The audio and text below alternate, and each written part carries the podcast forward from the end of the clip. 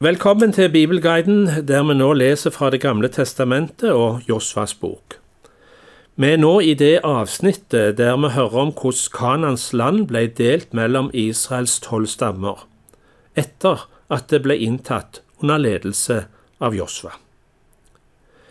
Israels tolv forskjellige stammer de er etterkommere av Jakobs tolv sønner, som i sin tid hadde innvandra til Egypt. Her vokste de og ble tallrike, og de brøt opp fra Egypt under ledelse av Moses, og da står det i andre Mosebok at de var omkring 600 000 menn, pluss kvinner og barn. Under 40 års vandring i ørkenen vokste antagelig folket ytterligere, så det var mange folk som nå får tildelt sine landområder. I kapittel 14, som vi nå skal høre, får vi først en beskrivelse av hvordan fordelingen foregikk.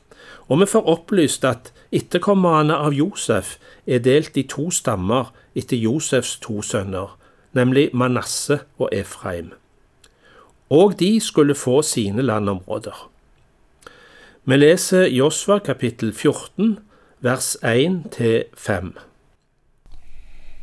Dette er landområdene som israelittene fikk til eiendom i Kanaans land, og som presten Elasar og Josva, Nuns sønn, og familieoverhodene i Israels stammer tildelte dem.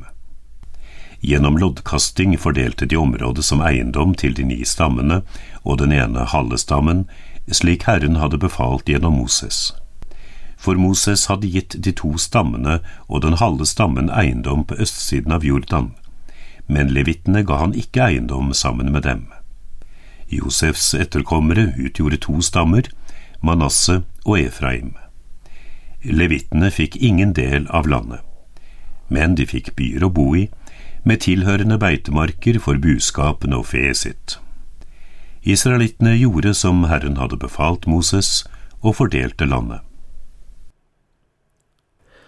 Eh, legg merke til det siste verset i det vi hørte her. Israelittene gjorde som Herren hadde befalt Moses.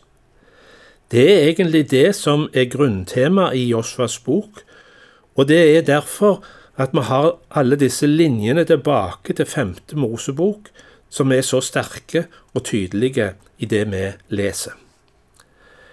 Ei slik linje tilbake til Mosebøkene finner vi i de neste versene. Her trer Caleb fram igjen. Han var en av de spionene som Moses sendte inn i Kanans land i starten av vandringen i ørkenen. Han trodde på Guds løfter den gang, og holdt seg trofast til Herren, og fikk derfor løfte om at han skulle ta i eie det landet han satte sine føtter på. Sammen med Josva, som var en av de andre spionene, var de de eneste i denne gruppa som fikk komme inn i det lova land. Igjen møter vi at troen på Gud er en forutsetning for å komme inn i løftets land. Og husk, løftets land, som vi leser om i Josvas bok, det er et bilde på himmelriket som er arven til alle som tror, til alle tider. Vi leser resten av kapittel 14 i Josvas bok og setter overskriften Mose løfte til Kaleb blir innfridd. Da kom Judas etterkommere til Josva i Gilgal, og kenasitten Kaleb, Jefunnes sønn, sa til ham, Du vet hva Herren sa til gudsmannen Moses om deg og meg da vi var i Kaders Barnea. Jeg var 40 år gammel da Moses, Herrens tjener, sendte meg fra Kaders Barnea for å spionere i landet, og jeg avga rapport etter beste skjønn. Mine brødre som fulgte meg dit opp, tok motet fra folket, men jeg holdt meg trofast til Herren min Gud. Den dagen sverget Moses, sannelig, det landet du setter foten på skal være din og dine barns eiendom for alltid, fordi du holdt deg trofast til Herren min Gud. Se, Herren har nå, slik han lovet, latt meg leve i disse 45 årene, helt fra han ga Moses dette løftet mens Israel vandret i ørkenen og fram til denne dag og se, jeg er i dag 85 år. Jeg er fremdeles like sterk som den dagen Moses sendte meg ut. Min kraft til å kjempe er den samme nå som da, både til å dra ut og til å komme hjem.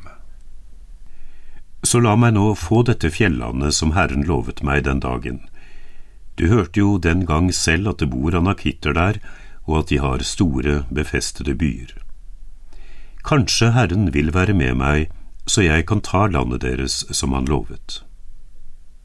Da velsignet Josva Kaleb Jefunes sønn og ga ham Hebron til eiendom. Derfor er Hebron hans slekts eiendom den dag i dag, fordi kenasitten Kaleb, Jefunes sønn, holdt seg trofast til Herren, Israels Gud. Hebron het tidligere Kiryat Arba, etter den største mannen blant anakittene. Og landet fikk hvile fra krigen. I neste lesing i Bibelguiden skal vi høre hvordan Juda, som den ledende stamme, først fikk tildelt land sammen med Caleb.